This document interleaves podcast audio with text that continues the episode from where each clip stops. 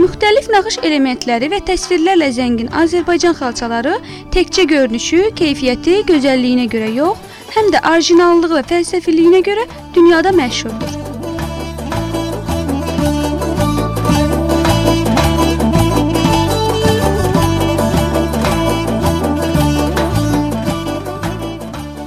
Azərbaycan xalçaları rənginə və texniki xüsusiyyətlərinə görə Quba, Bakı, Şirvan, Gəncə, Qazax, Qarabağ, Təbriz kimi xalçaçılıq məktəblərinə bölünür. Özünə məxsus naxışları ilə seçilən Talış xalçaları da Qarabağ xalçaçılıq məktəbinə daxildir.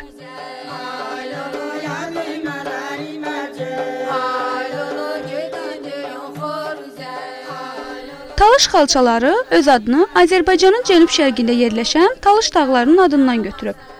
Toxunma üsullu köbud, bir rəngli ara haşiyəsi, ağ fonlu olan sadə talış xalçaları əvvəllər ən aşağı təbəqənin qızları üçün cehiz verilərdi.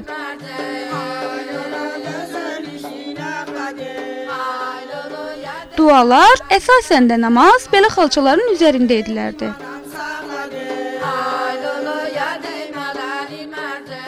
Sadə talış xalçalarının çəltik adlanan növü də vardır. Çəltik təsviri talışlarda bol məhsulun simvolu hesab edilir. Bu növ xalçaların orta sahəsi kiçik elementlərlə bəzədilir və orta təbəqənin qızlarına cehiz olaraq verilir.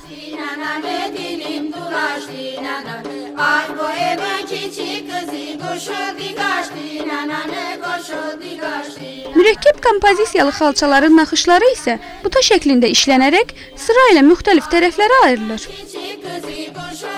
Naxışlar müəyyən sahələrdə altıbucaqlı medalyonlar əmələ gətirir.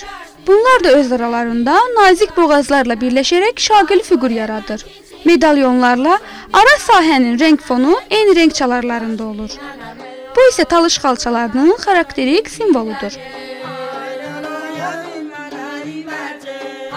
Əvvəllər ipəkdən toxunan mürəkkəb talış xalçaları 19-cu əsrin 3-cü rübündən başlayaraq yundan və pambıqdan toxunub. Həmçinin paxlava naxış adlanan uzunsov naxışları olan xalçalar da sonralar bu qrupa daxil edilib. Bu növdən olan xalçalara isə demək olar ki, yuxarı təbəqənin nümayəndələri sahib ola bilərdilər.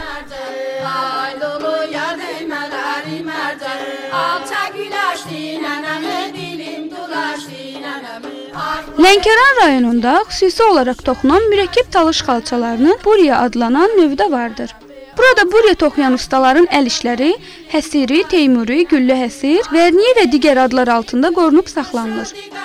Talışlar arasında xalçalar daha çox tonşu xolça adı ilə məşhurdur və bu xalçalar yüksək keyfiyyətinə görə hal-hazırda da cehiz üçün xüsusi sifariş olunur. Öz cehizli xalçalarını toxuyan talış qızları isə gələcək nişanlıların adlarını bu xalçalarda özünə məxsus naxışlarla işləyirlər.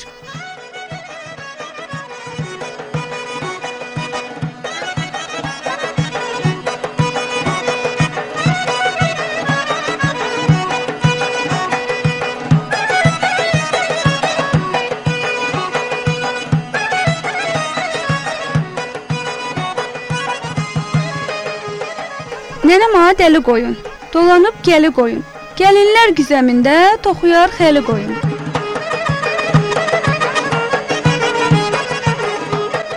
Xalçalar Azərbaycan şifahi xalq ədəbiyyatının janrlarından olan bayatılarda, tapmacalarda, atalar sözlərində də özünə məxsus yer tapıb. Azərbaycanda ilk xalça muzeyi 1967-ci ildə Lətif Kərimovun təşəbbüsü ilə yaradılıb və onun adını daşıyır. Muzey tərəfindən Azərbaycanın bütün bölgələri üzrə aparılan elmi tədqiqatlar nəticəsində bu gün muzeyin zəngin toplusunda 10 minədək xalça və xalq tətbiqi nümunələri qorunur. Bükülmüş xalçanı xatırladan bu muzey hazırda Bakı şəhərində Dənizkənarı Milli Park ərazisində yerləşir. Qeyd edək ki, 2004-cü ildə Azərbaycanda xalça sənətinin qorunması və inkişaf etdirilməsi haqqında qanun qəbul edilib.